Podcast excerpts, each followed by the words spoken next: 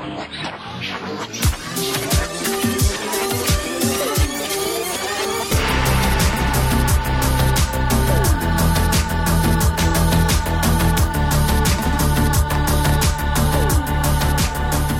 dere, i dag sitter jeg her med Norges store boybandstjerne. Jeg føler meg veldig beæret av å ha med en som har vært på toppen av engelske hitlister to ganger, og åtte topp ti-hits i England. Det er svært, altså.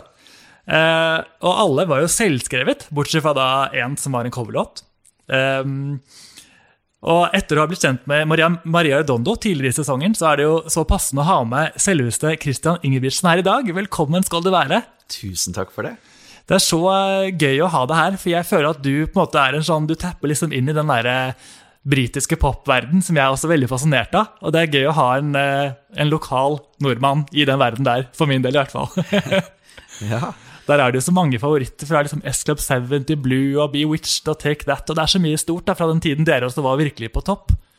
Ja, det er jo en sånn eh, tid som eh, ja, det er veldig mange som vokste opp i den uh, tida der, som mm. uh, tenker tilbake på akkurat de bandene du nevner, og oss, mm. som en del av, av, oppveksten sin og ungdomstida. Og det merker vi nå 20 år seinere. Ja. At uh, vi, i hvert fall før koronatida, ble booket på veldig mange sånne festivaler hvor man mimrer og ser tilbake på gode, gode tider. Ikke sant? Det passer perfekt til navnet Popstalgi, som jeg driver og jobber med her. Ja. Det er akkurat det vi, det vi, kjenner på nå. Ja, ikke sant? Rakk dere å spille på noen sånne festivaler før dere alt ble stengt? Eller noe sånn We Love the 90s eller noe sånt? Har dere gjort det? Ja, altså vi har gjort uh, mye sånn forskjellig de siste fem-ti åra, egentlig. Mm. Uh, men i 2020 så var det Um, veldig mye som var booket. Uh, blant annet så var vi på en turné som uh, het The Boys Are Back. Oh. med en del av de andre uh, boybandene fra, fra vår tid. Ja, Som hvem da? da? Som, som Five og ja. 911 og skal vi se hvem andre var det som var med. Altså, det var også noen band som ble satt sammen av andre andre kjente band. som har satt, Du får jo masse sånn, nå er det jo, du har jo Boys Life og West ja, Boys sikkert. Ja, når bandet slår seg sammen, ja. ja eh, nå husker jeg faktisk ikke alle som var med. Det, det er jo gått sånn i ett siden programmet. Vi var og gjorde eh, Vi var på en turné, vi skulle gjøre 35 konserter, tror jeg, i Storbritannia. Eh, fra da februar til april. Eh, så vi var midt i en turné. Vi fikk gjort 26 konserter før vi ble ja, stengt ned da, av koronaen. Ja, Det var flaks at dere rakk å gjøre såpass mye, da. Ja da, eh, men det var jo et år som Dette var jo bare begynnelsen. Vi hadde jo da mm. vår egen A1-turné, som skulle være høsten 2020. Nå har vi flyttet den til 2021 i Storbritannia. da. Uh, og hadde også 20 konserter i Sverige og Danmark, pluss en Asia-turné med Filippinene, Indonesia, Vietnam, Singapore. Wow. Alt ble kansellert. Så får vi se hvor mye vi kan ta opp igjen da, når, når, ting normaliserer seg. Ja, jeg krysser fingrene for det, for jeg vil gjerne oppleve dere live en gang. Det har jeg aldri ja. gjort før. Ja, Vi skulle spille i Oslo også. Vi hadde to konserter på Vulkan Arena booket. Oh, ja. Men de er også foreløpig blitt flyttet bare et år fram i tid. Da, så tror september september eller oktober i år, så er, det, så er vi booket i, i, Oslo. Så da er det jo håp. Og gøy, da ser du meg i publikum der, garantert. bra. Men jeg lurer litt på eh, hvordan det hele begynte for deg, sånn musikalsk messig. Var det noe du visste fra liksom, tidlig alder at du kjente at musikken er det du vil jobbe med, eller hvordan kom det til deg? på en måte?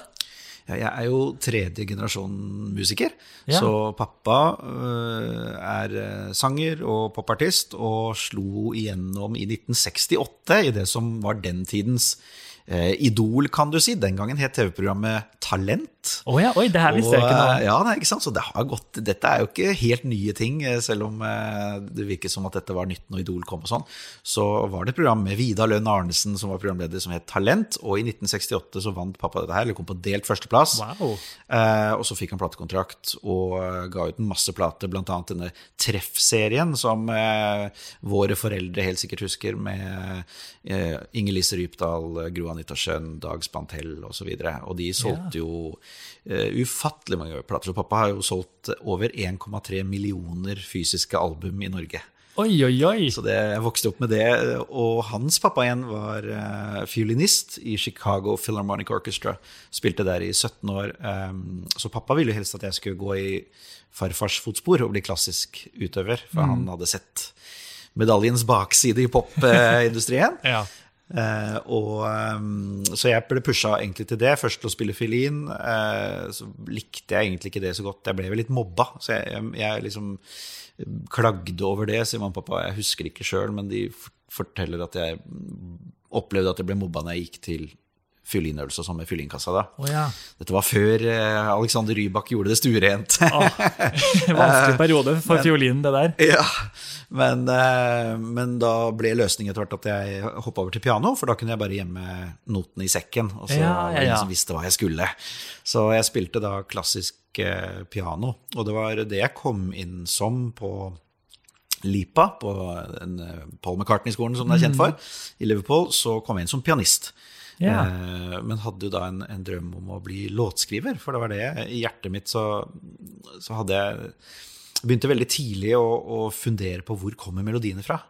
Hvor kommer disse sangene fra? Det var Elton John som var den store helten, og så etter Ja. hvert Bruce Springsteen. Eh, hvor jeg prøvde å skrive melodier fra veldig ung alder. Jeg har melodier som jeg begynte på allerede i seks-sjuårsalderen. Og da sier du melodier, for du begynte på, fokuserte mest på Ja, i melodiene på den mitt tiden. hode så var det liksom ja, Tekst kan jo alle, alle kan jo snakke og skrive, så det må være lett. Men melodiene, hvor kommer de fra? Det var den store, det store spørsmålet. Og det begynte med at jeg liksom bare husket rekkefølgen på noter som jeg spilte på piano, eh, og prøvde å si 'Hør, mamma, jeg har lagd en melodi'. Ja. Eh, I dag så tenker jeg omvendt. Det er jo teksten som er vanskelig. Melodiene bare kommer. Ja, Det vil jeg også tro. Altså, jeg har prøvd å skrive en sang i ny og ne, det har gått veldig dårlig. Men da er det teksten som ofte er eh, tricky, altså. Jeg bruker lang tid på det. Men det er noen, sånn som Trygve Skau f.eks., han har det motsatt. For han så er det teksten som bare kommer, og så jobber han med melodiene.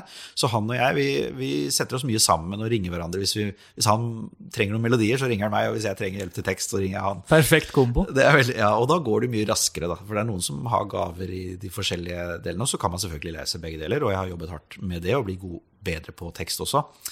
Men, eh, men det var dette som fikk meg inn i musikkbransjen, at jeg gikk på Lippa. Så fikk jeg etter hvert også mast meg til å bytte til sang, fordi jeg, jeg skjønte jo etter hvert Jeg fikk ikke noen andre til å synge disse sangene mine. Så jeg måtte lære meg å synge. Ta saken i egne hender. Ja, så, så da studerte jeg sang og låtskriving der.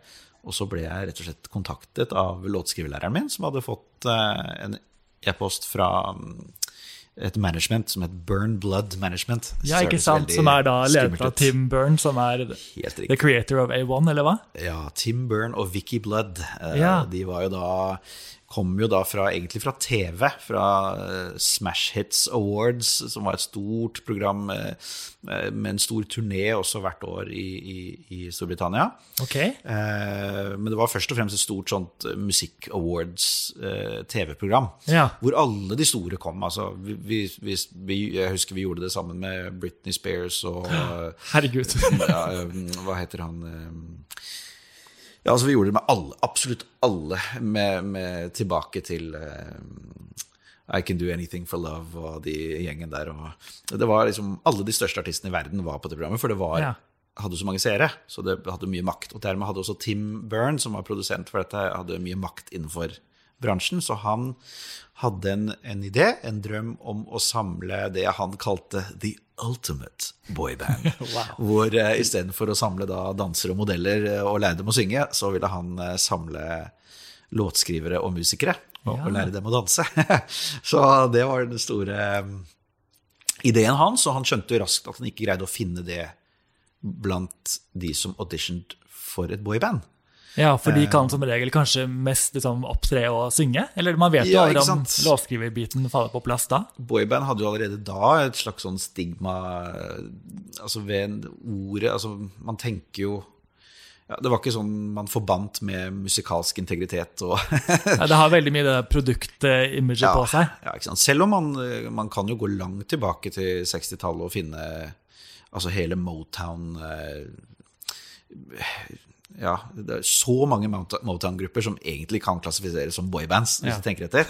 Um, så det hadde jo en lang tradisjon, men uh, man hadde jo også da hatt en del boyband som uh, også hadde gitt sjangeren et litt sånt uh, ja, rykte på seg til at, ja, som jeg sa, det var modeller og dansere som prøvde å lære seg å synge. Og han hadde da ideen om å sette sammen et, et, et et, et band hvor man hadde alt. da. Eh, og Derfor begynte han å kontakte Performing Arts Schools som Lippa. Ja. Det var sånn de fant meg, eller jeg ble anbefalt til dem da, av låtskriverlæreren min, og så ble jeg invitert til å komme ned til London og audition for dette bandet. Og visste du da, hadde du fått det her presentert som at det skulle være dette det var fokus på? Du skulle på en måte kunne ja, låtskriver, du skulle kunne alt, egentlig. Visste du det da du gikk på audition? Nei, det jeg husker fra e-posten, var at det avsluttet med If you wanna be in a boyband, this could be your big break. Ja, enkelt og greit. Og så snudde, snudde jeg meg til kompisen min på PC-laben, for det var ingen som hadde egne PC på den tiden. Eh, og så spurte jeg What's a boyband? Jeg, hadde, jeg visste liksom ikke hva det helt var. Ja, var da- såpass fra scratch. Ja, for, for meg så var det altså Min store helt var Bruce Springsteen, og jeg skulle jo bli liksom rock. Jeg var akkurat da var jeg liksom skikkelig inne i Jeff Buckley, og det var, det var liksom sånn rock-popen som jeg likte. Ja. Um, så boybands var ikke noe jeg liksom hørte på. Jeg husker når, når kameraten min da forklarte hva det var, så husket jeg jo New Kids on the Block fra jentene i klassen, at de likte det. og så sa han jo You know, it's like the Backstreet Boys. Og jeg bare Yeah, what, what, are they doing again? Og så sa han det var en sang som var masse på radioen, som het Quit Playing Games With My Heart. Åh, ja. Og jeg husket jeg tenkte, det var en så fin poplåt. Den likte jeg veldig godt. Så ja, I can do that. og så uh, ringte jeg ned uh, til dette managementet og sa at uh, jeg kan godt komme ned og ta et møte med dem. For jeg tenkte ikke på at dette kom til å bli noe sånn stort. Jeg tenkte egentlig at nå kanskje jeg kan få en fot innenfor døra i bransjen. Og møte noen viktige folk og få vist fram talentet mitt. Det var det jeg egentlig håpet på. Og det gjorde du også, da, men det gikk jo lenger enn det, kan man si. ja. ja, det tok jo helt av når du først eh, tok av. Men det var en lang reise derfra til dit. da. Og først så hadde jeg jo egentlig ikke Altså jeg bestemte meg, Jeg hadde en av bestekompisene mine på Lippa, en som het Nick, som var på danselinja. Eh, jeg bestemte meg at eh, ja, hvis han blir med, så tar vi som en eh, guttetur til London. For jeg hadde ikke vært i London ennå. Nei, ok. Og jeg hadde ikke lyst til å dra helt aleine til det. Det syntes jeg var litt skummelt. Ja, det, jeg Så da, jeg husker jeg spurte han du, har ikke lyst til å bli med, så tar vi en tur til London og kikker på, på storbyen. Men han eh, hadde ikke noe lyst til det. Så da bestemte jeg, da avfeide jeg det egentlig. tenkte jeg, ja, men da, da drar jeg ikke. Nei. Men så fikk jeg en veldig veldig sterk innskytelse, og jeg husker øyeblikket fortsatt. Jeg satte meg ned foran stereoanlegget mitt på det lille rommet mitt, på dormrommet, og så bare fikk jeg nei, du må dra. Ja. Og jeg er veldig sånn som følger den magefølelsen. Alltid. Eh, Og det kan være skal jeg gå ned den gaten eller den gaten. Hvis jeg får en sterk innskytelse, så følger jeg den. Ja. Og uh, her fikk jeg en skytelse. Jeg måtte reise ned. Så jeg dro ned og var egentlig ikke sånn superpositivt innstilt når jeg så Jeg satt jo da på venterom, og så var det en del andre som var på audition før meg.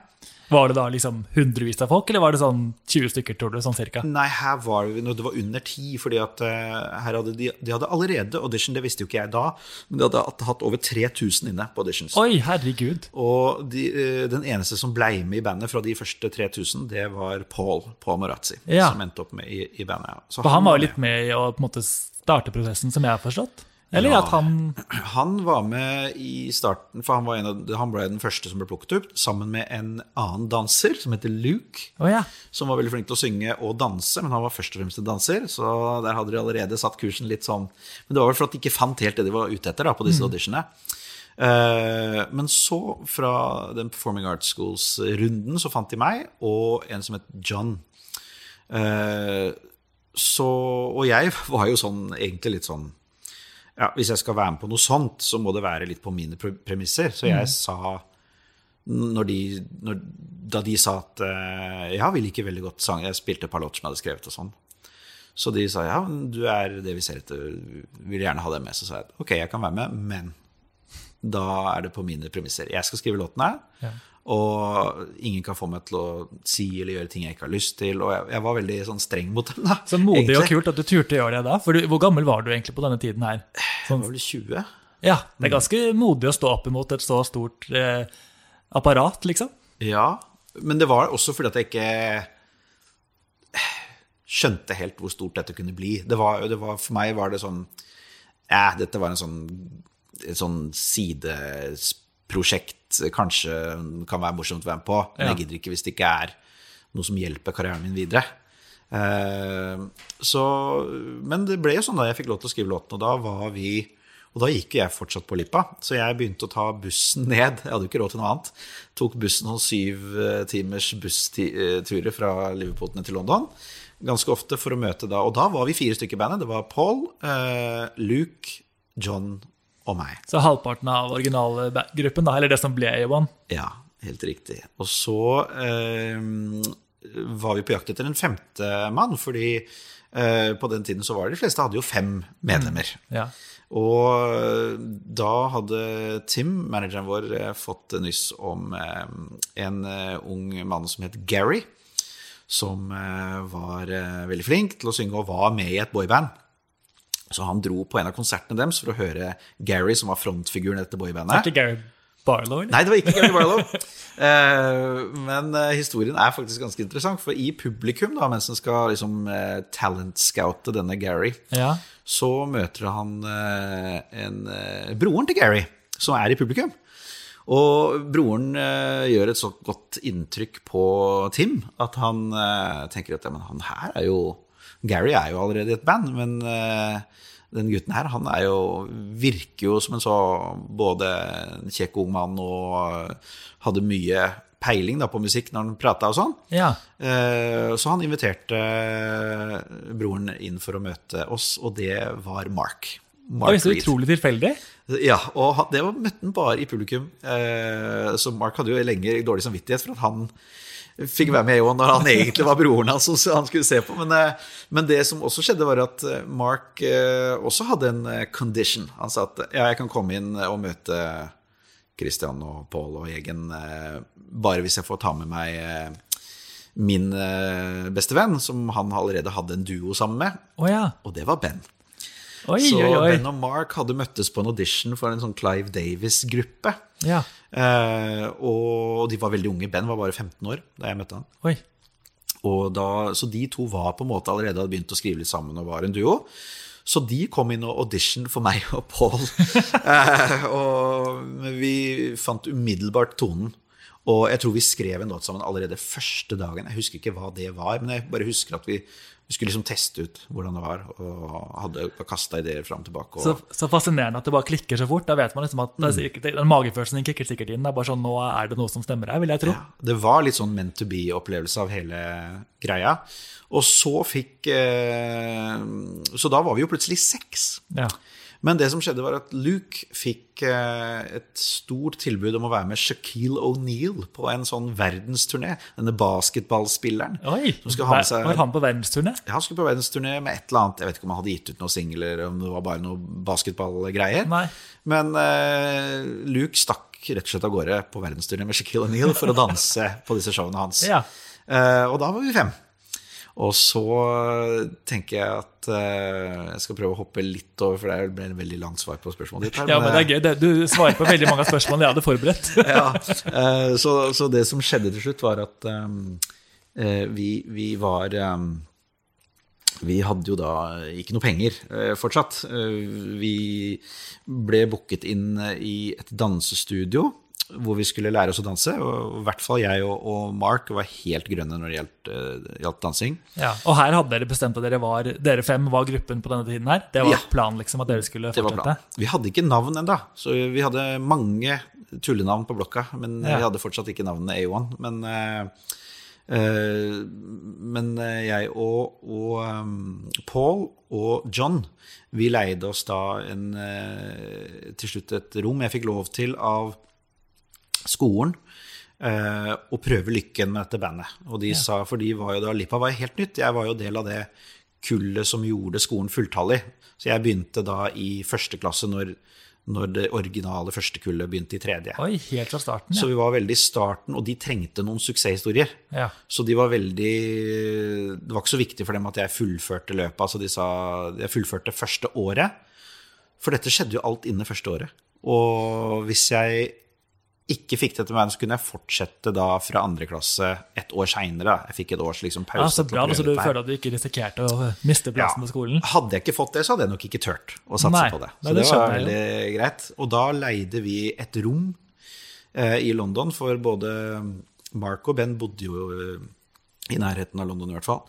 Så, så, så vi eh, vi bodde over en pub, og så jobba Paul på puben for å få penger til å betale for eh, rommet, Ja. mens vi andre øvde på å danse og skrive låter. Eh, og så, ja eh, For Paul tok dansingen mye lettere enn oss.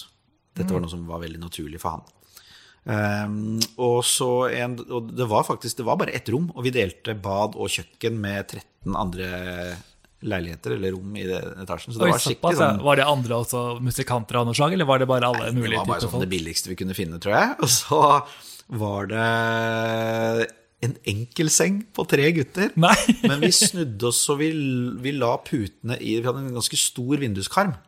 Så vi sov da på tvers av senga med, vind- og brukte vinduskarmen til puter.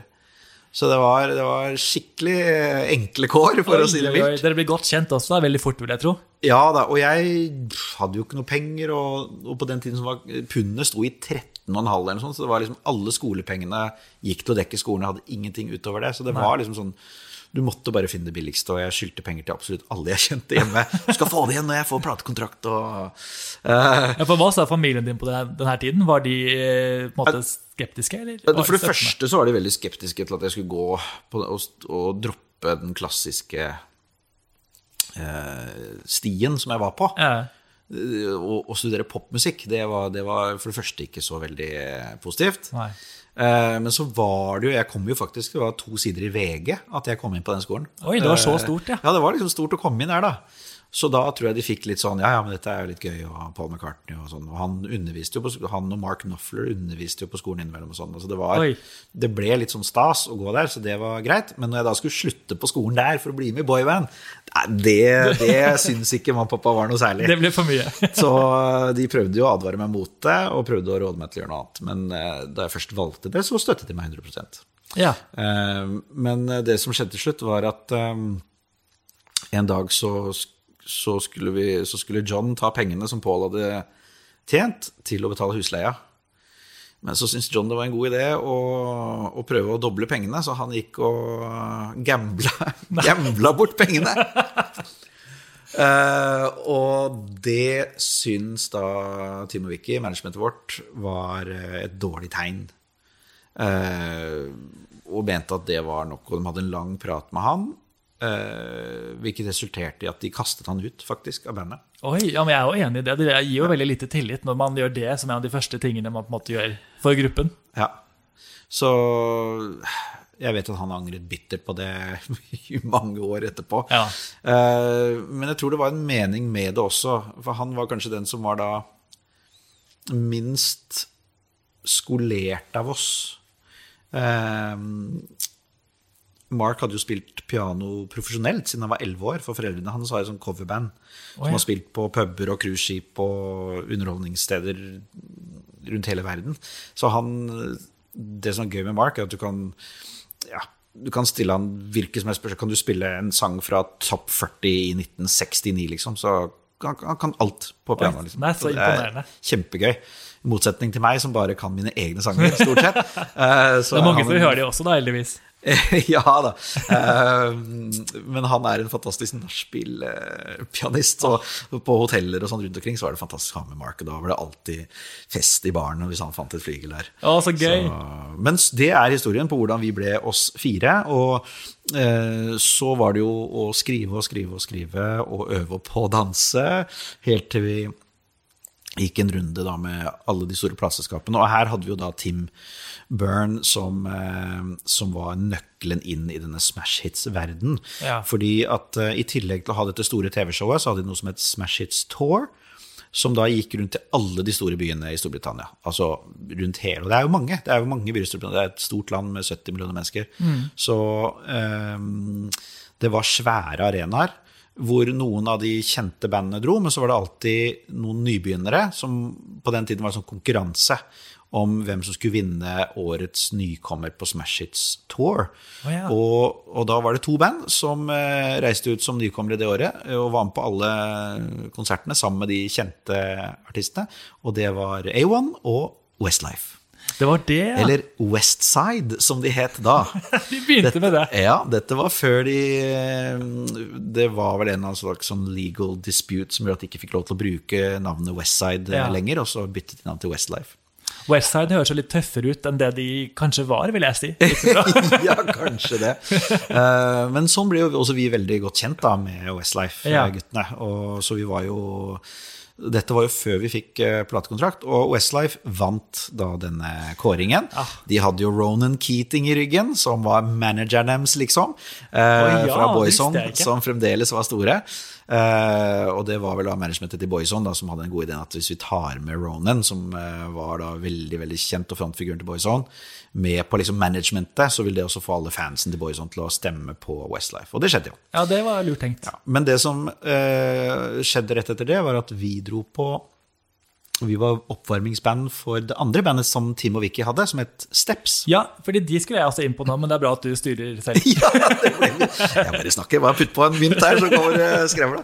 Nei da, så Men eh, de, de eh, de var veldig kjente, og spesielt i Storbritannia. Mye mye større i Storbritannia enn de ble her. Men kan jeg bare skyte inn da at jeg leste at uh, Paul nesten ble med i Step selv? Stemmer det? Helt riktig, så han var vel egentlig tenkt for det første bandet, og så kom han ikke helt med der, og så hadde de han spart på han litt til det neste prosjektet. Ja. ja. Så, så der var det mange connections, og det gjorde jo at da vi omsider Altså, vi hadde jo begynt å få så mange fans før vi begynte å gå til plateselskaper, at vi kom da på det store underholdningsprogrammet som gikk på lørdags formiddag på BBC Nei, var det ITV? Eh, dette var vel ITV, tenker jeg. Eh, Anton Deck hadde da, som var egentlig en slags Thomas og Harald. Var de allerede aktuelle allerede da, ja? For de har jeg sett på jeg også i senere tid. Ja, de var jo, det var jo, dette her var jo storhetstiden til Anton Deck. eh, og de ja, Man kan sammenligne med Thomas og Harald her. Ja. Eh, bare at i Storbritannia så er det jo da selvfølgelig mye mye større. Og de hadde da et underholdningsprogram som het CDUK. eh, og et annet program som het SMTV, som var for de yngre rett før det. Så de hadde liksom fire timer fra morgenen av hver lørdag hvor de hadde alle de største artistene på. Ja, CDUK er helt fantastisk. Jeg har sett så mye av Girls Aloud og Britney Ja. Spears. Og åh, jeg elsker det Ja, programmet. og vi møtte jo alle de store artistene her. Det var jo kjempegøy.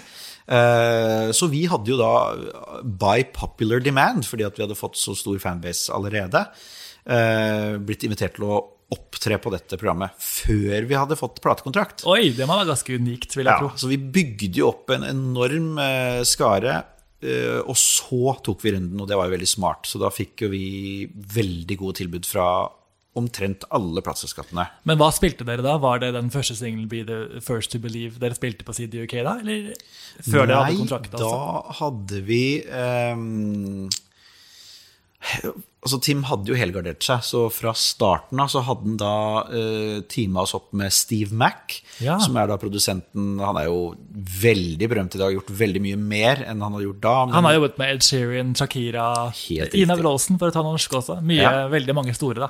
Og helt riktig, og han var jo også han som gjorde alle de første Westlife-albumene og, Ja. og låtene, sammen med en som het Wayne Hector, som skrev uh, 'Flying Without Wings' og, og alle disse låtene. Og, Mm.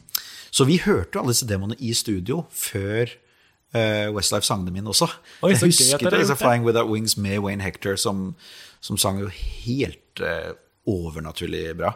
Um, Men da var det, dere visste at det var til Westlife? Det var ikke sånn de vurderte at dere skulle spille inn da? Eller var det kanskje i kortene? Mm, Jo, altså det som skjedde Jeg tror ikke akkurat de sangene var ment til oss. Jeg tror de pitcha de til Westlife, for de var allerede inne på, uh, på banen. Men uh, det som skjedde, var jo at vi hadde jo sagt at vi skal jo skrive sangene sjøl. Uh, og da mista egentlig vi litt Steve Mack sin interesse, for han ville jo skrive låtene til de låtene han produserte. Det var jo sånn man tjener penger, stort sett, er hvis du er med å skrive låtene. Ja. Eh, Så da ble det egentlig mer til at han produserte Westlife, og så, så begynte vi å jobbe med en som het Peter Cunna isteden.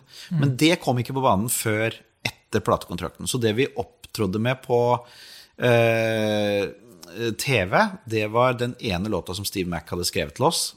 Eh, og så gjorde vi en selvskrevet låt som, var, som vi bare gjorde som en a cappella.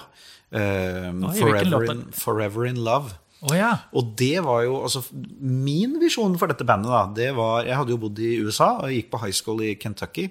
ja. Og uh, ble stor fan av band som Boys to Men. Og var med i sånne barbershop choirs. Som, um, og vi hadde til og med sånn eh, det er en veldig stor ting, dette med barbershop choirs i Amerika. Ok. Hvor man, eh, det er rett og slett vocal harmony groups, og veldig ofte er det en eldre garde. Dette er noe som er en lang, lang lang tradisjon. Så vi hadde jo en, sånn eh, senior citizen group som var våre mentorer i, i USA. Og vi reiste rundt i smoking og sang Hello Dolly og Star Spangled Banner på liksom, med på og sånn. Ja. Så jeg hadde liksom den bakgrunnen, så jeg hadde veldig lyst til at vi skulle gjøre noe sånn helt a cappella eh, i starten. Og da skrev vi sammen eh, Forever in Love, som er åpningssporet på den, det første albumet vårt. Ja. Eh, så den sang vi da på den aller første TV. Så, så vi hadde noen låter eh, som vi hadde skrevet Eller vi hadde masse låter som vi hadde skrevet. Eh, som vi da spilte på. ja, for det virker som det kom ganske fort, at dere begynte å skrive låter sammen, og at det bare kom naturlig for dere, eller? Ja, ja, og dette var jo noe bare vi gjorde, og jeg hadde jo skrevet masse det. Jeg studerte låtskriving, så jeg, dette var jo min greie. Det var jo det jeg ville gjøre. Så du hadde masse liggende, på en måte? også? Masse liggende, vet du. Men det hadde også Ben og, Mark spesielt, og Paul eh, også hadde masse gode ideer. Eh, og selv om han ikke kunne spille instrumenter, så hadde han veldig mye, og spesielt på tekstsiden var Paul veldig dyktig. Så vi, eh, vi, eh, vi spilte rett og slett live på disse auditionene til plateselskapet. Vi hadde liksom gitar og piano, og så sang vi låtene vi hadde skrevet. Og det var sånn vi fikk da disse tilbudene, og valgte da til slutt eh, Columbia Records, som jo var eh, det ultimate for meg, for det var jo der Bruce Springsteen var signert. Ja, Man går jo etter heltene sine. Ja, absolutt. Og det var mange sånne historier. Altså, vi, vi begynte jo da med Jeg kan ta det i, det i riktig rekkefølge, kanskje. Eller ja, digresjonen først, da.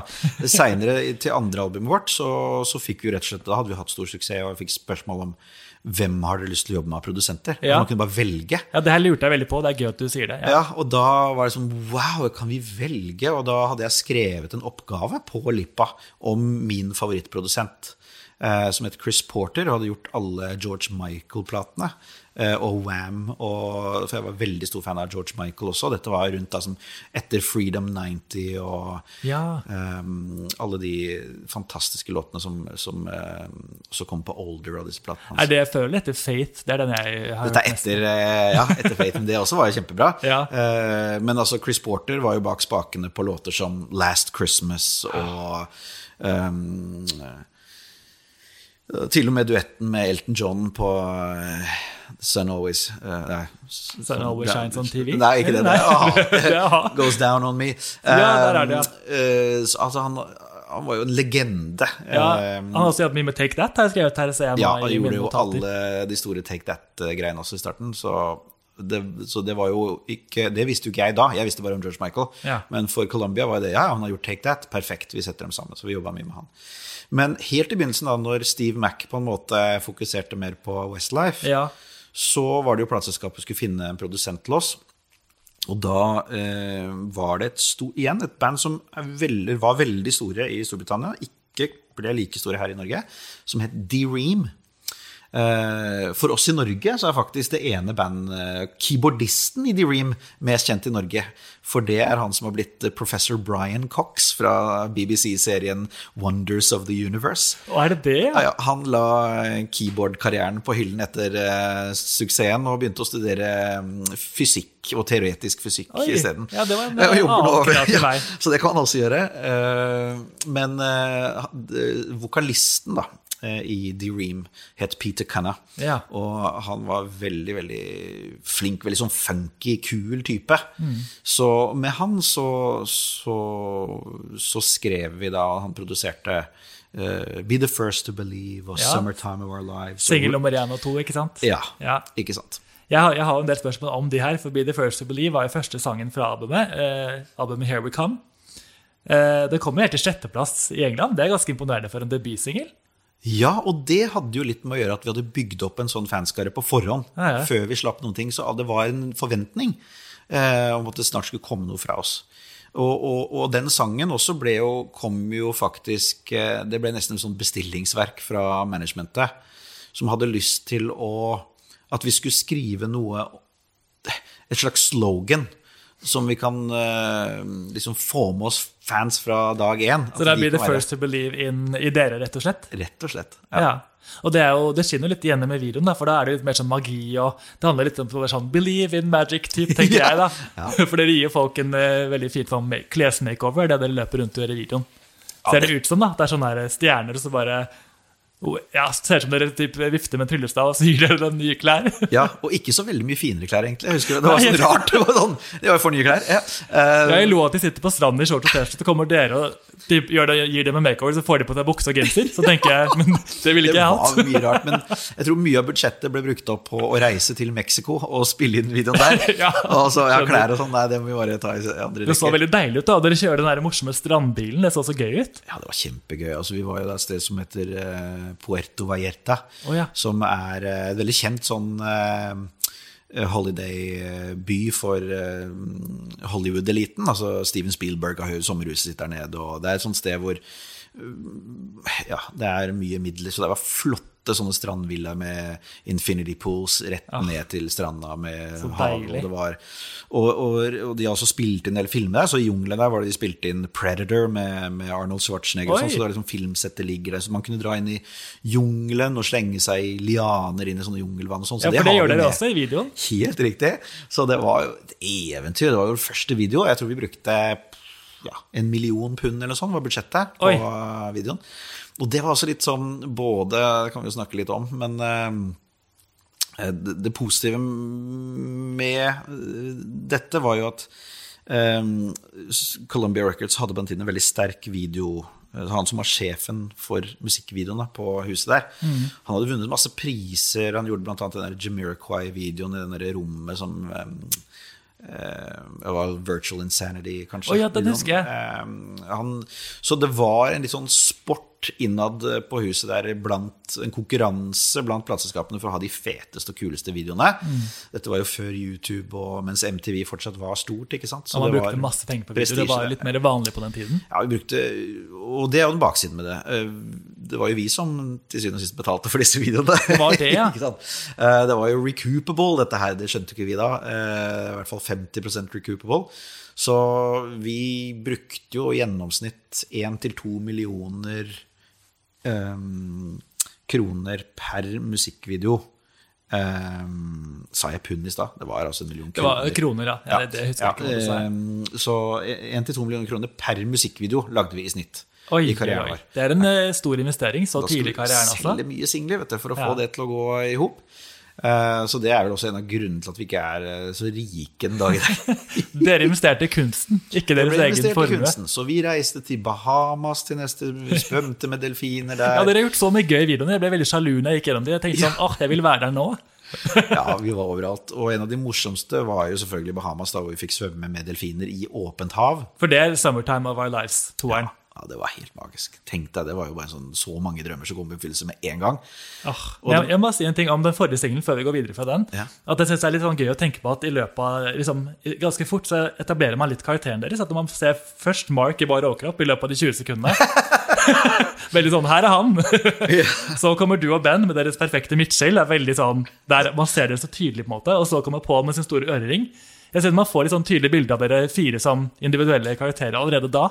Det er gøy å se hvordan det blir etablert så tidlig. Ikke at dere har jo sånn, Det er jo ikke sånn Spice Girls-karakterer, det er ikke det jeg mener, men det var en fin måte å på en måte gi dere hver deres stil så tidlig i bildet. Og det var ikke helt tilfeldig, for det var en tanke til managementet helt fra starten. Ja, det var det, ja. Ja, For det å, å etablere de forskjellige typene, og de prøvde til og med å introdusere noen sånne labler for, for oss. At, at Christian var rock A1, og Mark var pop A1, og så videre. Altså, det, det, det Men dere it didn't foten ja, nei, uh, men de prøvde i hvert fall å Tanken bak disse boyband- og jentebandene er jo at de skal appellere til forskjellige typer. Mm. Og noen jenter skulle forelske seg i band, og noen skulle forelske seg i Paul, osv. Um, så det var nok en tanke bak det, og de prøvde å dyrke de personlighetene våre så mye de, de, de kunne. De lot oss veldig være oss selv. Ja. Ja, Det er godt å høre at det ikke er noen sånn eh, trist historie om at dere ble tvunget til ting dere ikke ville. og sånn. Det virker som dere har ganske mye say i hva som unntak skjer. av det vi hadde på oss i de første, ja, de første singlene, så, så turte vi jo ikke å si så mye. Vi, liksom, vi stolte på at stylistene visste hva de snakka om. Og Ja. med vi, ved andre albumet, da var vi lei. Nå må vi få lov til å velge sjøl hva vi skal ha på oss. sånn. Så, Men uh, 'Summertime of Our Lives' klatrer jo bare et hakk høyere på hitlisten. Kom på uh, nummer fem på- i, i ja, det var en fin uh, progresjon oppover der. Ja. Ja. Jeg synes den har litt morsom tekst. Jeg bare la merke til den da jeg hørte den, at en av- tekstlinjene er cool Nei, vet du. Du sier Eller det, Cool breeze, kissing the sea. I've got a sunbeam shining on me. Og så er det Marks en del. Hot sand holding your hand, you keep me jamming in the morning until the moonlight. Det er veldig sånn tydelig, varm tekst. Man føler at man er i solen når man hører på den. Ja, her var jo ikke noen tanker om å ha noe dypere message eh, bak eh, låten, annet enn at man ønsker å skape bilder som eh, man har lyst til å være i. At det er, ja. Og det er reist. Altså, jeg vet ikke om man kaller det et slags breakdown i låten når det er den derre Summertime, summertime, cherry Sugar candy cherry Altså, eh, det var uh, Det husker jeg var Peter Cunningham sin idé. Han ville ha sånn chant, et slags sånn hook. Han måtte ha et hook, da. Ja, There's the boy for every girl. Veldig raust å si. Men det var også en av tingene som var litt kult å jobbe med, med Peter, for han uh, kom jo ikke fra den tradisjonelle pop-Beatles-bakgrunnen. han, han var litt mer eksperimentell, da. Så selv om Be The First To Believe er en, en poplåt, så, eh, så har den ikke den samme type strukturen som en vanlig poplåt. Altså, den, har, den har to refrenger, på en måte. Og det er liksom bare masse deler, masse hooks. Og det er egentlig ganske funky. Peter var en veldig funky type. Det er veldig deilig at den holder deg eh, altså, nysgjerrig hele veien. Synes jeg, altså, som du sier, at det er mange ulike deler i den. Du vet aldri helt hva som kommer de første gangene du hører Mm. Nei, på det er litt sånn overraskende. Jeg tenker fortsatt når jeg hører på at den er egentlig kul. Ja, ja. Jeg, er ikke, jeg er ikke flau over den, liksom. Det er masse vi gjorde som jeg er flau over, men eh, ikke den. Det er godt å høre, da. Uh, ja, den her var vi innom videoen til. Svømme delfiner og kose dere på stranden. Altså, Det ser så deilig ut. Mm.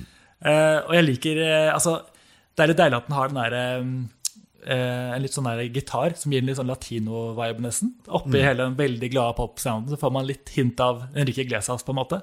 Før hans tid, da. Ja, Eller ikke sant. rundt da, kanskje. Ja, altså, han, ja, han kom nok like etterpå. For jeg husker at da, da vi kom med Caught in the Middle, så hadde den vært nummer én alle andre uker det året. Eh, men akkurat den uken vi slapp den, så slapp Enrique Hero og Å, slo oss på målstreken. Det er derfor jeg husker at han kom med litt etterpå. Mm. Ja, Det er jo en ikonisk låt som, man kan, være, som kan få lov til å slå deg. tenker jeg. Sånn, den, det er ikke en uh, dårlig sang man ser tilbake på. Den, i hvert fall. Nei da, det var en verdig motstander. Ja. Eh, og så eh, gjør dere det jeg syns er litt fascinerende på den tiden, at dere slipper en dobbeltsingel med Everytime og eh, Ready or Not. Hva, jeg, altså jeg, jeg vet jo at Spice Girls og flere andre også gjorde dette. Hva var på en måte tanken bak en dobbeltsingel egentlig? Hvorfor gjorde man det sånn kommersielt sett på den tiden? Husker du det? Det var, det var to grunner, så vidt jeg kan huske. Det ene var at eh, det var veldig vanlig å gi ut to forskjellige singler av den samme singelen, for de telte likt mot uh, charts.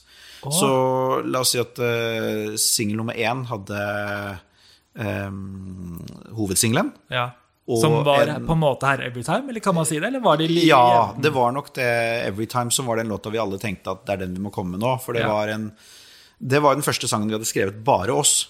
Eh, og som vi var veldig eh, fornøyd med, og alle tenkte ah, det er en hit. Um, ja, For å fullføre det, så skal jeg gå tilbake til det. Ja. Fordi det som skjedde, var at uh, man slapp da f.eks. singel nummer én med Everytime og en remix. Så slapp man singel nummer to med Everytime og en B-side, f.eks. Ja. Så de som var ordentlige fans, de kjøpte begge. Men begge telte, det telte da som to salg mot eh, hitlisteplasseringene. Ja, Så smart. Det er bare å lure opp salget, rett og De lurte opp salget, det, men dette var noe alle gjorde, så det var veldig vanlig. Men jeg tror det også Så det andre poenget mitt var at eh, de var ikke helt sikre på at en ballade Altså Det som skulle skille oss fra Westlife, var jo at Westlife gjorde bare ballader. Vi gjorde uptempo, vi var the fun uptempo-boybandet. Det er jo litt sånn Backstreet eh, versus NSYNC, nesten. Westlife eh, og Ja. Når man tenker Ja, på det. Og så var jo Westlife eh, de irske, og vi var de britiske, med Ja. en nordmann, da. Uh, og uh, jeg tror det var Og vi hadde jo bare sluppet to singler, så det var en veldig sånn uh, debatt om hva skulle være neste singelen. Okay. Og så visste vi at vi hadde en sang som het Like a Rose, som skulle være den neste singelen, for det skulle være Valentine's Day Special. Jaha, så klart. Det var såpass så gjennomtenkt, ja. Ja, Men så tror jeg det var et ønske internasjonalt fra en ballade. For de så jo at det funka som Westlife. Um, og dermed ble det en dobbel A-side. Vi hadde da vært nede i eh, Og da hadde vi gjort to singler med Peter Cunna, eller hadde gjort tre. Vi hadde i hvert fall gjort flere låter med han, men så kom vi da eh, Vi hadde et, det var et team som het Metrophonic, men som het Brian Rolling, som var nede i, um, i Kingston på, det, på den tida der, som hadde hatt enorm suksess med Share. Do you believe in Ja, love? det har jeg lest. Jeg bare tenkte sånn, Er dette her riktig? Jeg prøvde å finne alt jeg kunne om det, så det er gøy at du sier noe og bekrefter Ja. dette her. Og, det, og, de, og derfor var det veldig mange av artistene til Sony var nede der for å eh, Det var veldig mange som var der nede for å gjenopplive karrieren sin. Eh, Tina Turner, Lionel Richie oh, ja. altså, Han ble ble the go-to guy for å gjøre det, liksom. Ja, så når vi kom ned dit for å jobbe med Everytime, blant annet, så, så var jo disse artistene innom. Så vi, eh, da vi spilte inn Everytime, så hadde vi en tanke om at dette skulle være et svært kor. Jeg ville at det skulle være gospelkor. Men eh, det mente ikke at det var budsjett til, da. Så vi måtte synge inn bare refrenget om og om, om igjen. Sånn, vi, sto alle fire rundt mikrofonen om og om igjen og sang det på forskjellige Mickey Mouse-stemme, mørk stemme. Så sånn dere har en million ut. til musikkvideo, men ikke penger til gospelkor? Ja, Det så ja, det var litt sånn. Det var, brukte, ja, det var forskjellige budsjetter. Ja. eh, Og høyrehånda visste ikke alltid hva venstrehånda gjorde. Nei. Sånn er det kanskje eh, alltid i store bedrifter. Men ja. eh, det som var litt kult, var at eh, vi la over 100 spor til det refrenget til Everytime. Oi. Eh, det ble veldig svært. Og til slutt så banka det på døra. Så kommer stikker et hode inn. Who wrote that song? Who wrote that song? Og vi bare eh, Ja, det er oss, da. Bare I'm sitting downstairs trying to write a song, and all I can come up with is that chorus. It's brilliant. It's so good. I just wanted to say that. Og det var Lionel Richie. Nei. Som satt nede i stedet. Det var et sånt gammelt hus man kunne høre litt mellom rommene. Så ah, han så innmari det. kult. Ja, det var stort for meg. vet du. Kjempestort. Og de første notene jeg hadde kjøpt til popmusikk, det var Lionel Richie Gold. Det var en sånn samleplate. Så jeg hadde jo sittet og spilt alle låtene hans, og det fikk jeg lov til å fortelle han. Så vi spiste jo lunsj med han eh, hver dag i hvert fall to uker. Nei, så Så det hyggelig. var kjempestas. For et sign of approval å bare kunne få den eh, connection med han. Og, og at han kommer opp uten egentlig å vite hvem dere er, da, og sier Ja, det helt uoppfordret. Han. var var veldig raus person, husker jeg. Vi møtte han jo flere ganger på flyplasser rundt omkring, og han var alltid sånn husket oss, kom bort. Hey, how's the hardest working guys in the business doing? Og han var veldig, sånn, han var veldig snill og hyggelig mot oss. Og til og med så vurderte han en av sangene som jeg hadde skrevet, eh, som het Where Could the Magic Have Gone? Oh. Eh, som kom på et seinere soloalbum som jeg har. Eh, jeg har video at, at han sitter og hører på den og vurderer den til sitt album der. Oi, så Og han, eh, han likte den veldig godt, men han fikk ikke eh, med seg plateselskapet på den låta. Men eh, Fortsatt gøy for deg å bare vite at det har skjedd, liksom. Veldig gøy at hørt han satt og hørte på den. Ja, På minidisk, som jeg hadde den gangen. Uh, Men det, ja, så, så dette var jo en periode hvor uh, også Brian Rollings og hans team der nede hadde enorm tro på Everytime. Ja. Han, uh, han bare Det er hiten, liksom. Og de hadde jo rett i det, for den ble jo, det er vel deres største ballade, eh, vil jeg si. Den kom til tredjeplass. Ja, den kom på tredjeplass på hitlisten, så det har også en fin progresjon oppover. Absolutt. Og det her Eh. var jo endelig den tiden da Spice Girls ga seg litt det året for å kjempe om The Christmas Number One. Ja, Så da fikk dere på en måte sjansen til å skinne. For det, ble jo ikke helt førsteplass, men likevel tredjeplass på Mm. den eh, juleoppløpet i England er veldig, veldig stort. Det var veldig stort. Og det var jo også den singelen som eh, de hadde rett. eh, fikk oss til å break through da internasjonalt. Ja. Og også i Norge. For eh, vi var i Norge med i hvert fall singel nummer to. Jeg lurer på om vi var med singel nummer én også. Vi spilte på den aller første VG-lista med H.C. Andersen som programleder. Oi, på kult. Da var det jo ikke så stort som det er nå. Nei. Ehm, men ehm, det slo ikke gjennom. Det, det funka ikke i Norge, de to første singlene. Så jeg husker ikke hvor de kom på hitlisten, men det var ikke noe særlig høyt. Selv ikke med nordmann i gruppen. Det hjalp ikke. Nei, altså Vi hadde jo to topp ti hits i Storbritannia Uh, uten at det var noe som helst uh, som skjedde i Norge med det. Ja. Uh, og jeg husker at jeg tenkte ja, men så fint, da, for allerede da kunne jeg gå på Leicester Square og, og bli stoppet av folk som ble autografer. Sånn. Men i Norge kunne jeg gå helt i fred. Ja, ganske jeg tenkte ja, det var jo veldig greit, da. Men så kom Everytime, og så fikk vi da eh, anledning til å fremføre den da på Nobels fredspriskonserten eh, det året. Sammen det med, med Tina Turner og jeg tror det var Brian Ferry og Sting det året. Dere kom veldig fort opp i teten med disse her eh, store legendene, så det må jeg si. Ja, vi gjorde jo det. Vi ble jo kastet litt ut på dypt vann, men det var jo også fordi at Sony dro i litt i Vi var jo sammen med The Course, og vi var altså Ja. Vi ble nok solgt inn som del av pakken en del ganger i starten. Eh, men da hadde vi også litt eh, track record å, å vise til. Da. Nå hadde vi jo hatt noen topp ti-plasseringer i Storbritannia. Ja. Og, og Everytime gjorde jo sitt til at da også smalt det virkelig både i Norge, men også i, eh, i land som Filippinene og Indonesia og Singapore Ja. og bortover der. Så da begynte vi å turnere. mm, Og vi turnerte jo De var veldig flinke til å sende oss rundt. da. Med hver singel, så har jeg regnet ut i etterkant, så turnerte vi gjennomsnittlig 36 land. Med Åh, hver singel. Oi, oi, oi, det må ha vært ganske tens periode for dere. Ja, altså, det jo gøy, men sikkert slitsomt også, vil jeg tro. ja, Man tenker ikke på at det er slitsomt da, fordi det er jo bare så gøy. Ja, Men jeg husker jo at alle bandene hadde det sånn. Når vi gjorde da Smash Hits, eh, TV-show og sånn seinere med andre band, så det er en ting jeg la merke til at alle lå jo på hvert, hvert Hvis man hadde fem-ti minutter, eller så lå alle bandene bare på gulvet backstage og prøvde å sove litt. Det var ikke noen vill festing backstage, det var bare å få den hvilen man kunne få, liksom.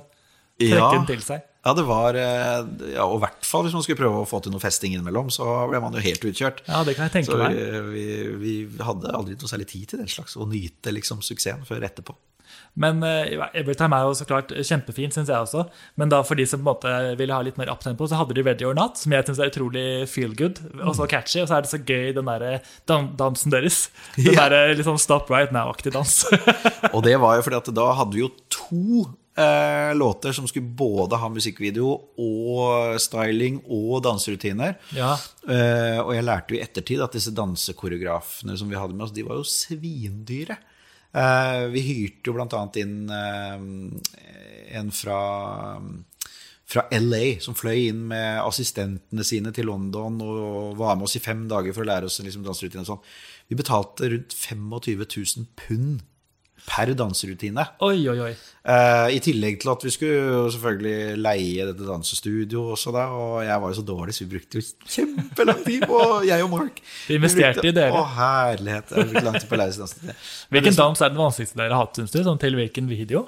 Uh, Eller hvilken sang? Det ble ganske avansert etter hvert. Take On Me og Same Old Brand New You ble ganske I hvert fall Take On Me. Det var den Nei, kanskje en sang som het No More. Å, den er kul. Eh, men, eh, men poenget mitt var at Ja, jeg jeg, jeg er flink til å snakke meg bort. Eh, var at det var jo ikke da budsjett til eh, to danserutiner til den singelreleasen. Så Paul eh, koreograferte Ready or Not. Han gjorde det, ja. Yes, så det er det derfor var- den er litt mer sånn Jeg vet ikke hva jeg skal kalle den, men litt sånn, det passer litt den der crooner-image dere har i videoen. At det er en sånn sort-hvitt verden. Ser ut som dere er litt sånn Frank Sinatra-stil, nesten, men så har dere sånne koselige Den er litt mer basic. Ja, det var ordet. Jeg, jeg Den si var litt er- mer boyzone, kanskje. Ja, Og han sto ved mikrofonstativet og eh, hadde ja, koordinerte håndbevegelser. Det må være lov innimellom, det også. Ja, det funket jo kjempebra for boyzone. Ja, Og det funket for oss med den også. ikke sant? Og det er faktisk den som vi Uh, En av de danserutinene som vi har med oss fra gamle dager, er den når vi gjør uh, Ready or Not på konsertene våre nå. Så er det litt sånn for å gjøre l- Ha det litt morsomt med oss selv. Se så flinke vi var til å danse, dere. og så får vi publikum med, for det er lett å, å være med. Å, den må du lære meg etterpå når vi er ferdig med her. Ikke noe problem. Eh, nå bare For å runde av album nummer én, så skal jeg prøve å rekke at vi går innom album nummer to. om det er så Ja. mye juicy å snakke om. Men uh, Like a Rose er siste singel. Eh, veldig fin ballade, den også. Eh, den er produsert av Steve så han var jo litt inne i bildet her fortsatt. Men Ja. han ville, selv om han ikke fikk skrive låten selv, så var han med. Ja, og det var jo de, en av de sangene som var med fra starten, eh, og som Ben hadde skrevet. Han var eh, 16 år da han skrev den. Um, og det var en plan hele veien, tror jeg, om at det skulle være Valentine's Day-singelen, da. Ja. Så, så, og, og det funket jo fint, selv om den, um, eh, Det kanskje var litt kamp om Valentines ukeplasseringene, men den mm. så gikk litt ned. Dippet vi litt ned, kom vi på sjetteplass eller noe sånt på hitlisten. Femte eller sjetteplass. Åh, dumt Eller var å det stemme, for akkurat det har jeg ikke skrevet ned. Den var i hvert fall ikke tredje, det var ett hakk ned. Ok, ok. Ja. Fortsatt veldig fin låt. Fortsatt topp ti. Den her uh, synes jeg minner Det sier jeg fordi den her kom jo først. Den her, uh, altså NSYNCs 'This I Promise You' minner litt om den her, syns jeg. Hvis Ja. du vet hvilken det er. Ja, veldig fin sang, det også. Ikke sant? Begge to er veldig fine, så kompliment til dere. Um, her er også litt random video. At Mark ligger i et badekar. Ben ligger i en sånn svær himmelseng. Dette er nok kanskje den videoen vi er mest flau over. Og uh, dette er en skikkelig boyband cheesefest Ja. fra ende til annen. Men uh, Du og Paul ligger der på gulvet og ja, flørter med kamera, kan man si.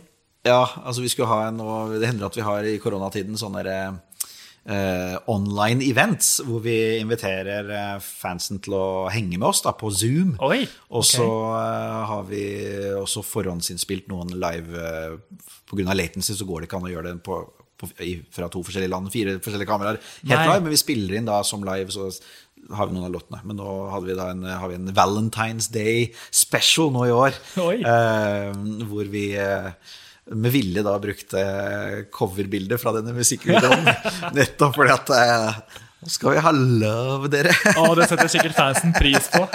Ja, det er morsom mimring, da. Og det ble jo eh, Det var jo litt fint også, men regissøren hadde en idé om at vi skulle, alt, alt skulle ha, gå i hvitt. Vi skulle ha på oss hvitt, alle veggene skulle være hvitt.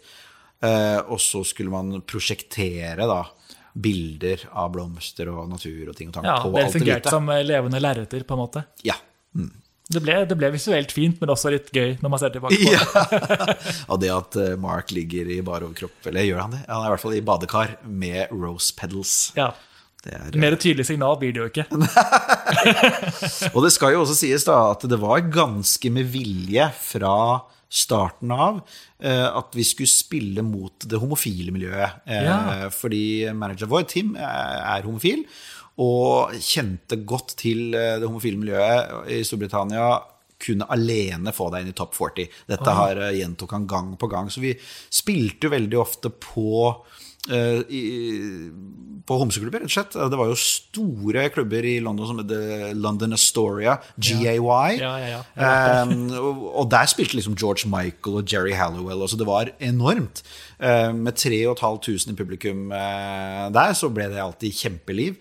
Så det er jo klart at uh, Mark uh, halvnaken i badekar med roseblader, det, det, det treffer ikke bare tjente. altså. Ja, så det, det var nok noe som, eh, som management eh, med vilje ønsket å dyrke fram. Og vi ble faktisk opplært til det. At hvis noen spør dere om dere er homofile, Mm. så må dere ikke svare ja eller nei. Dere må holde det litt åpent. Å ja, Ja. oi, så sleipt, men Ja. lurt, da. ja, så vi ehm, Vi rett og slett eh, fikk ja, opplæring i å svare noe sånt som eh, Why? Why do you want to know? Are you interested? Altså Bare holde fantasien litt levende. holde fantasien levende. Ja. Sikkert mange frustrerte fans som tenkte sånn ah, Ironisk nok tror jeg de var vel det eneste boybandet som ikke hadde noen homofile med. Men eh, Ja. Uh, ja, for oss så så var det i hvert fall uansett en, et veldig gøyalt publikum å spille for. Eh, vi spilte jo på Gay Pride i London eh, en gang foran 100 000. Oi, oi, oi, Og det er altså Det er fest ut, og, og, og visuelt noe helt annet enn man har sett i hele sitt liv. Ja, det kan jeg tenke meg. Et gira publikum. ja. Oh, ok, Jeg må gå inn på nå album nummer to, hvor det på en måte tar ordentlig av for dere. For da er det jo, Nå har dere bygget opp et solid grunnlag med flere topp ti-hits. Men her får dere jo to nummer én-hits på rad. Mm. Dere begynner jo med Take On Me, som vi alle kan. altså Både før og etter. Eh, hvordan, eh, husker du hvordan dere bestemte å lage en cover av den låten? Var det noe, Hadde du noe med det, siden din norske connection kanskje spiller inn? Jeg tror kanskje fordi at da Like a Rose, fjerde singeren fra første albumet, eller femte, alt etter hvordan man teller Every Everytime og Ja, ikke sant? uh, eh, Radio Natt, så, så ble uh, I og med at den da gikk ned til sjetteplass eller femte, eller hva den kom på, Ja. så uh, var vel plateselskapet redde for har, ha, liksom, har vi nådd toppen allerede, liksom. ja. Eh, og da visste de at det var et velkjent triks, det å gi ut en coverlåt. Eh, og da begynte mm, debatten å gå hva skulle det vært, eventuelt, for vi var jo veldig opptatt av at vi skulle skrive låtene og sånn. Men da hadde vi etablert oss da med flere topp hits som vi hadde skrevet selv, så vi tenkte ok, kanskje vi kan gjøre en cover. Og da kom spørsmålet fordi at jeg var norsk. Ja, men Kristian, er det noen norske band? eh, Og før jeg rakk å svare på det, så hadde du jo svart selv at ja, det er jo a-ha, da. Ja. uh, Take On Me. Og da svarte jeg med en gang at det kan vi ikke gjøre. For da kan ikke jeg dra hjem igjen. så jeg, jeg satte ned foten og sa nei flere ganger. Men det kom liksom, jo mer vi snakka om det Vi var innom eh, Abracadabra. Vi var innom masse låter vi hadde lyst til å gjøre. Um, men eh, så kom Tim alltid tilbake til Ja, men Christian, vi skal ikke prøve Take On Me, da. Og så til slutt så fikk jeg da vetorett. At vi skulle spille den inn, da. Og hvis jeg ikke var fornøyd med resultatet, så kunne vi bare droppe den. Oh, ja. Men du ble da fornøyd, da? Siden det... Ja, men dette Jeg husker vi var jo mye på turné den tiden her, så vi hadde jo spilt inn, og, og så var det jo da Metrophonic, dette teamet da nede med Brian Rollings og, og de som hadde gjort eh, Mark Taylor, da, spesielt, som hadde produsert eh, Share og Believe og sånn. Ja. Så, så satt de og jobba og sendte stadig nye versjoner på DAT-tape til Australia, husker jeg, hvor vi var på turné da. Eh, og jeg bare Nei, det er ikke bra nok. sendte det var ikke Jeg tror den sendte den fire-fem ganger før jeg til slutt sa ja, men dette her ble ganske kult. Ja. Eh, Så du var streng der, da, men det gjorde også at den ble utrolig bra. da, Og den nådde jo Altså, den ble jo så svær. den ble jo en, vår første nummer én-hit. Ja. Eh, og virkelig også gjorde at vi fikk eh, nye markeder som Tyskland, eh, Spania, Sverige, Danmark. Eh, plutselig åpnet det seg enda flere markeder for oss, så vi ble bare enda mer eh, busy, kan du si, da. Og det er en veldig gøy video her, som også jeg vil tro var ganske dyr å lage. Ja. Den var også en drøm for meg å være med i, for dere er jo så å si et slags dataspill. Er dere, sånn, er dere ute for å redde, altså stoppe et virus i en data? Er det det som skjer i historien der? Ja, altså Det er jo nesten litt ironisk når vi ser tilbake nå. Eh, nesten litt sånn profetisk video. Det, det begynner jo sånn prat på starten av videoen hvor det pga. et virus fra Asia så er Nikkei eh, Dow ned så og så mange prosent, og verdensøkonomien står i krise. Og, og så skal vi inn og redde dette her. Diskusjonen var jo at hvordan følger man opp en video som den originale videoen til Take On Me? Ja, ikke som sant? var Ganske stor banebrytende. Eh, og, og, dette er jo da i rundt år 2000, hvor eh, vi Ja, det hadde kommet ny datateknologi. Da, altså Hvordan kan man ta i bruk dette? The Matrix hadde akkurat vært en stor eh, hit. Ja, for det står jo på skjermen. The Matrix, et eller annet, at Når dere går inn i dataen, så står det noe med The Matrix. Yes, ja, så den var veldig eh, inspirert av The Matrix, og hvordan liksom, man i sakte film dukker for pistolkuler som blir skutt mot av sånne ting. Så vi skjøt veldig mye av videoen på sånn grønn green screen, som det heter. Ja. Og så hang vi sånne harness, altså sånne eh, nesten usynlige metalltråder fra taket, og fløy.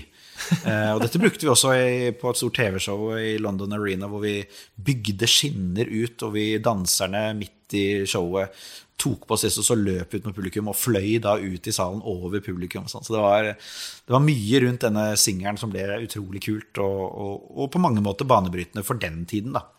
Men nå, jeg hoppet veldig fort over Same Old Brand New som egentlig er Ja. min favoritt. Det er bare fordi jeg ble liksom overveldet at den låten er så stor og så kul. Ja. jeg visste hvor jeg skulle begynne. Den var jo nummer én både i Norge og i England, og mange Ja. Mm. flere steder. Skrevet av dere med Eric Foster White. Ja, og det var en sånn eh, Eric Foster White hadde da produsert Pink, som var stor upcoming. Han hadde produsert masse store, kjente ting. Eh, Han har også gjort From the Bottom of a Broken Heart til Britney Spears.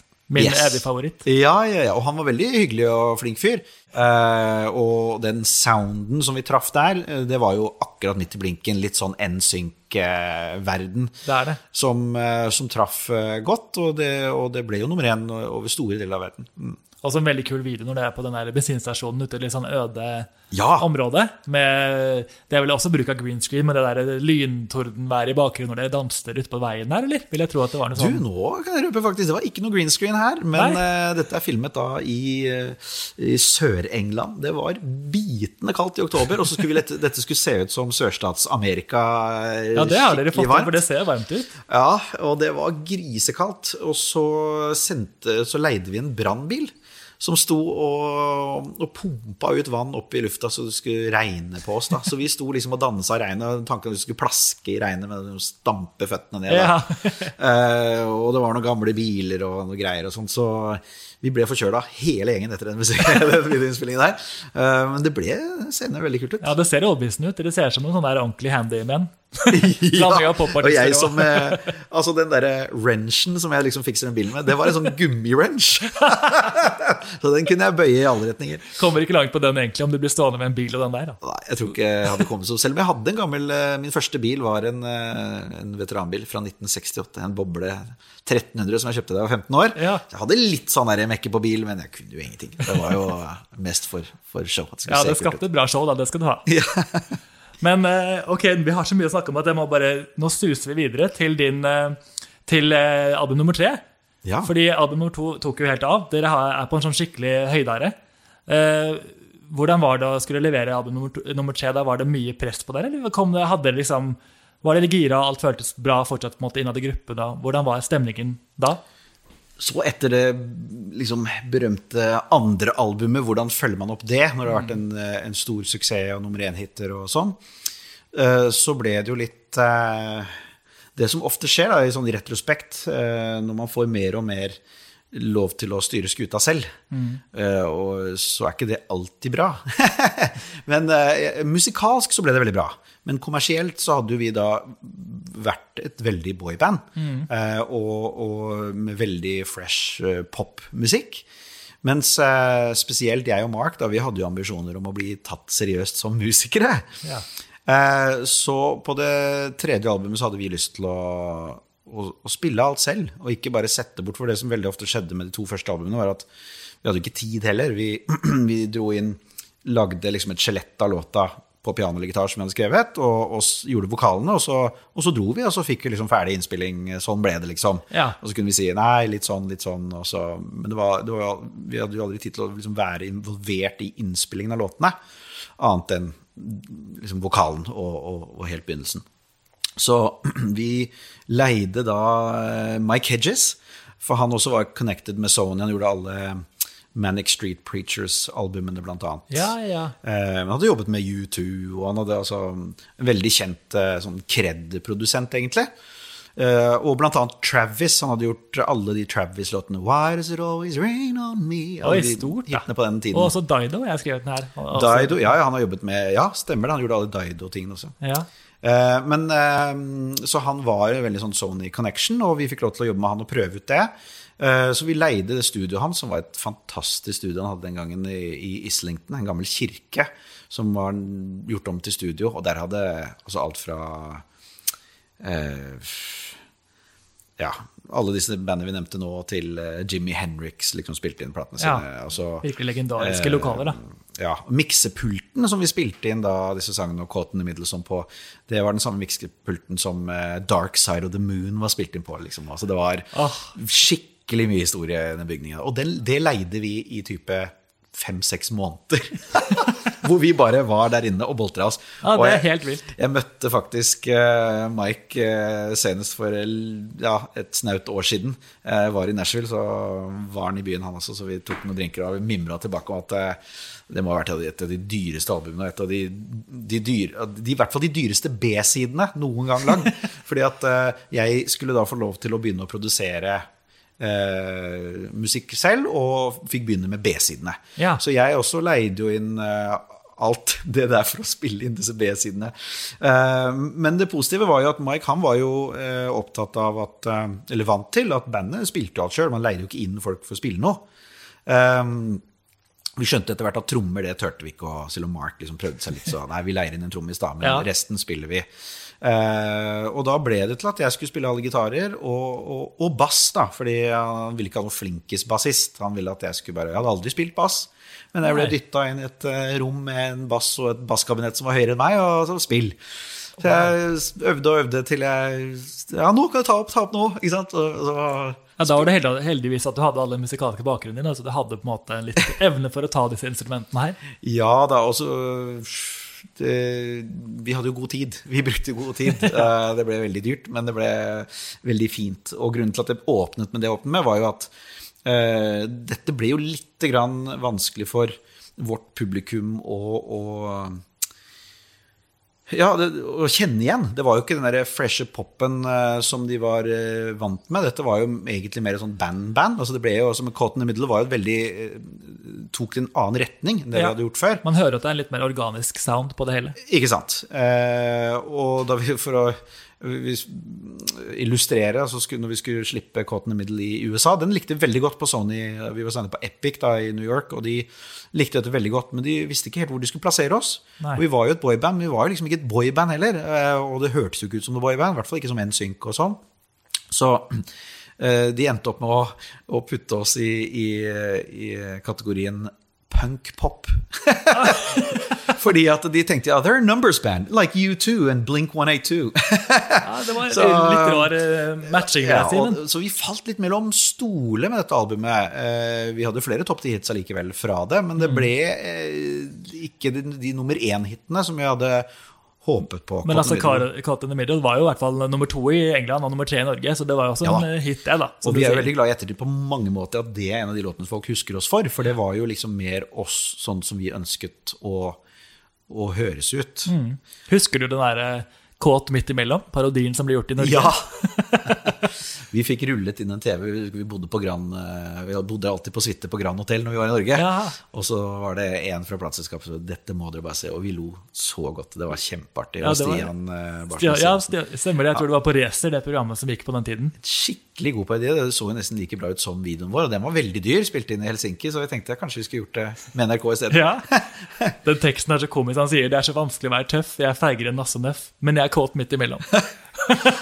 Ja, det var veldig morsomt. Eh, og vi gjorde veldig mye i Norge også på den tiden der. Da hadde vi jo liksom Det som var bra med Kåten in the Middle og, og Make It Good og de låtene, var at det, vi fikk litt mer kred, i hvert fall. Og folk begynte å skjønne at eh, vi, hadde, vi skrev låtene. Og, eh, og det har vært godt å ha med seg videre i karrieren etterpå.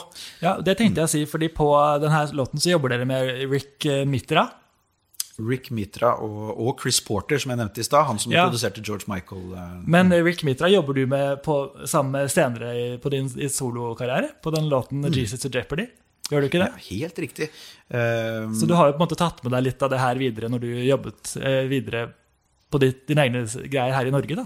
Ja, Rick ble en god venn, eh, og Chris også, for så vidt. Vi, vi ble gode venner. Og det som vi, Fordi at jeg var så fan av, Chris Porter, så begynte vi faktisk eh, skrivingen til album tre nede i studio hans. Og det var der vi ble kjent med Rick, som var en god kompis av Chris. Eh, jeg må bare gå litt videre, for etter det albumet her så er jo da Det er perioden Paul forlater gruppen. Ikke sant? Eller etter Make It Good. Wow, dette er jo, det er jo mye å snakke om, merker jeg. Det tar lang tid at vi får ta en eh, Ja. sequel en gang. Men det som skjedde, var at vi skulle prøve å slå gjennom i Frankrike.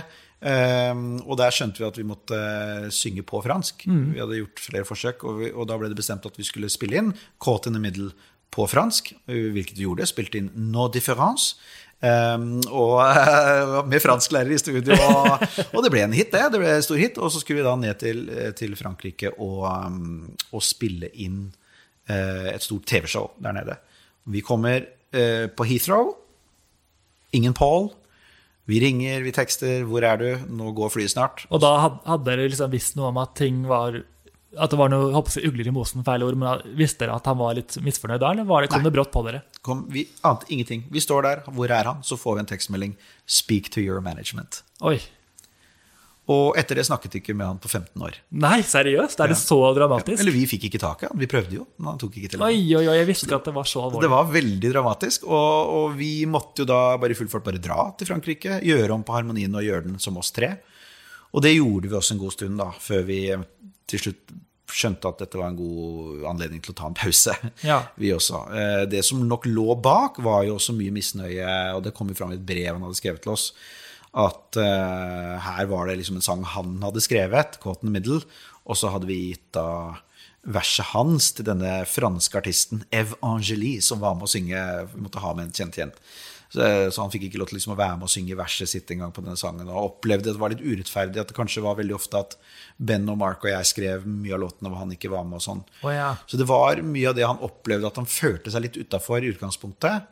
Og så var han jo en av dem som Han holdt jo på å slutte. Jeg måtte jo overtale han til å bli i bandet helt i starten.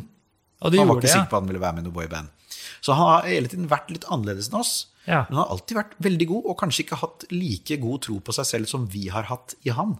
For vi har jo tenkt hele tida at han er jo kjempegod. Mm. Mens han opplevde det at vi kanskje liksom ikke ville ha med han og sånn. Men, det- men det var egentlig litt basert på mye misforståelser. Ja. Så dumt vi ikke fikk prata ut om. Men nå har vi prata ut om det i ettertid. Ja, det så nå er jo Paul med igjen. Så når vi var på turné i Storbritannia før eh, korona, så var han med. Eh, og han har vært med på Asia-turné, og han skal fortsette å være med oss når vi spiller igjen eh, eh, forhåpentligvis senere i år. Og det er så hyggelig å høre. Eh, nå må jeg virkelig prøve å runde av, det er så utrolig mye jeg skal spørre om. Jeg klarer ikke. Jeg bare, mye, vet du. Siste stopp innom er din solokarriere, som du på en måte valgte å fokusere på det norske markedet i hovedsakelig. Eh, Din første release er 'In Love With An Angel' med Maria Dondo. Mm. Den eh, toppet jo listene som bare det. Lå på eh, topp ti i tre måneder. Jeg har allerede fått historien fra Maria, eh, for den låten her får jeg bare aldri nok av. Men for en start liksom, på karrieren din også her i Norge. Det må ha vært gøy å se at du kunne stå på egne ben, sammen med Maria, vel å merke akkurat da. Men Ja, dette kom jo sammen fordi manageren til Maria den gangen, eh, Trond Fjellmann, han eh, hadde vi liksom møtt en del ganger eh, gjennom noen felles bekjente. Og så ble han også manageren min da jeg flyttet hjem til Norge. Eh, så han eh, ville at jeg skulle skrive noen låter for Maria. Eh, og den Innovationero hadde jeg skrevet faktisk på en av disse bussturene fra Liverpool til London. Så den hadde jeg liksom litt liggende i skuffen. tidlig, ja. Jeg husker veldig godt at jeg kom på den ideen, og, og kunne liksom ikke synge den inn på bussen, følte jeg. Så jeg satt liksom og prøvde å tviholde på ideen helt til jeg kom fram til London, hvor jeg kunne skrive det. Så jeg skrev ned notene på bare sånn at jeg bare lagde notelinjer på et ark og skrev ned refrenget. Eh, så den hadde jeg liksom litt liggende klar. Eh, Ja. Og det var egentlig mer som en solosang, så jeg hadde jo spilt eller Maria spilte den inn med Espen Lind, som produserte den. Um, eh, og den var ferdiginnspilt før plateselskapet fant ut at det vel lurt å ha med Christian på den. Kanskje ikke gjøre til duett. Så derfor ligger den altfor høyt, egentlig. Så jeg er pressa med alt. Uh, vi har aldri gjort den i den tonearten live. Uh, men uh, jeg er veldig glad at jeg fikk være med på den, for det ble jo, den ble jo nominert uh, Spellemannsnominert til beste Ja. låt, og ble jo nummer én hit på VG-listen. Og det, det var jo en fin start også for min, for min karriere utenfor A1, da. det var det. Og så slapp du Things Are Gonna Be Okay, nei, Things Are Gonna Change, Ja, som Gonna også toppet listen på VG-lista. Ja. Så altså, du var jo ja, du var virkelig en fangstart, må jeg si. Og så kom albumet Take Back Yesterday, som også lå på topp ti i flere måneder. Mm. Så det, det må ha vært gøy for deg å se at du ble så godt tatt imot her hjemme. da. Det, det må ha vært en litt annen følelse sånn Ja, det var, var, liksom. det var jo det. Eh, Samtidig så hadde jo min eh, arena, holdt jeg på å si, var jo verden. Ja. Så jeg var jo vant til å være nummer én rundt hele verden. Eh, og jeg, jeg hørte en historie en gang som jeg har brukt noen ganger uten sammenligning for øvrig. Så var det disse astronautene som gikk på månen. De hadde jeg lest om De oppnådde jo en drøm. Et mål som de hadde hatt hele livet, liksom jobbet i flere tiår mot. De oppnår noe som ingen andre har gjort før dem. liksom. De går på månen. Og så kom, greier de det. Kommer hjem, møter presidenten, får en parade. Men then what? Ja. Hva gjør du etter å ha nådd din største drøm? Ja, Det er vanskelig å finne noe som motiverer deg, så de gikk inn i depresjon, flere av de. Og eh, det var nok noe lignende som skjedde med meg. fordi at eh, når du har vært nummer én rundt hele verden, og så er det å være nummer én på VG-lista ikke, det er ikke like motiverende. Da. Nei, det skjønner man jo. Men hvis du ikke er motivert nok, så får du ikke til det heller. Så det ble liksom en sånn downward spiral med, hvor jeg liksom opplevde at jeg var ikke helt fulfilled. At jeg, eh, det var en vanskelig periode. Det ble et brudd med, med han manageren også etter hvert. Uh, som også resulterte i et brudd med Universal, som vi sitter her i dag. Ja. Um, og eh, ett og et halvt år hvor jeg faktisk ikke gjorde noen ting. Altså, jeg, jeg, jeg satt hjemme og spilte PlayStation og eh, ventet på at noe skulle skje. Eh, Så det er en av de store lærdommene jeg har tatt i livet. At å sitte og vente på at noen skal ta det, den du er og det du gjør, til å bli noe stort, det, det kan du ikke gjøre. Du må sette i gang sjøl. Og etter hvert så gjorde jeg det. Jeg begynte å, å ta sakene i egne hender, spille inn et nytt album. Eh, og så fikk jeg faktisk det også gitt ut på Universal etter hvert. Ja. Eh, men eh, ja, du slipper et julealbum, et soloalbum til. Mm. Så er A1 tilbake i 2010, tror jeg. Ja. helt riktig. Og så er dere med The Big Reunion, som jeg egentlig kunne snakket i timevis om. For der er jo Blue, Atomic Kitten altså Så mange gøye band med. Eh, du har også hatt stemmen til Flynn i Tangled, den Disney-filmen. To på rømmen. Som Marion har stemmen i også. Nå bare gjør jeg en sånn lynoppsummering ja. for å få inn alt jeg vil ha med. ja.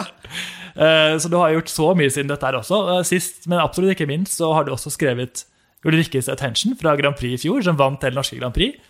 Som sikkert kunne vunnet hele Eurovision hvis den hadde kommet dit, men den fikk jo ikke sjansen til å prøve seg, dessverre. Men eh, hva er det du har på agendaen nå om dagen, sånn for å runde av akkurat hvor du er nå i livet? Ja, det er eh, som alltid i mitt liv mange baller i luften samtidig. Så veldig kort, så, så i og med at Ulrikke da ikke ikke fikk eh, oppfylt min drøm med å representere Norge internasjonale i Eurovision-finalen, så prøver jeg igjen. Så jeg har en låt med i finalen i år også, med, med Rein Alexander. Å, så spennende. Så det blir veldig spennende å se hvordan det går. Jeg må jo prøve å komme meg til, Så det er målet, da, å vinne Eurovision for Norge. Ja. Ett år skal jeg, kommer ikke til å gi meg før det har skjedd. Um, Da har du satt et nytt stort mål. Det her liker jeg. ja, ikke sant? Det er noe med å ha noen sånne hårete mål for seg selv. Ja. Og så um, holder jeg jo på med et nytt eh, soloalbum også. eh, samtidig som eh, A1 faktisk holder på med et nytt album. Nei, oi, oi, oi. Så det er mange ting. Og så er det jo da enormt mange konserter fra høsten av som er da flyttet fra i fjor og utover. Så det er, eh, jeg er ikke arbeidsledig med det første, heldigvis. Og det er godt å høre. For alle A1-fans så blir vi så glad at det kommer ny musikk og turné og alt mulig. Det er jo så mye å glede seg til. Fordelen med koronatiden er jo at vi har, alle har jo hatt masse tid til å være kreative og sitte og skrive ny musikk. Så det kommer til å komme en flodbølge av eh, kreativitet eh, som blir gitt ut, tenker jeg, eh, kanskje allerede fra høsten av. Åh, Det er deilig å tenke på. Eh, etter det, Nå må jeg nesten bare gi oss. Jeg må takke for at du var med. Det var så utrolig hyggelig og spennende å høre hele din historie. Tusen takk for at du ville ha meg her, og beklager at jeg snakka så mye. Vi får heller ta en, en del to en annen gang. Ja, Det har vi i hvert fall nok av materiale å ta av. Så jeg håper dere alle andre også elsket å høre på dette, her, for det var så mye juicy details. Jeg koste meg så innmari. Takk for besøket. Tusen, tusen takk for meg.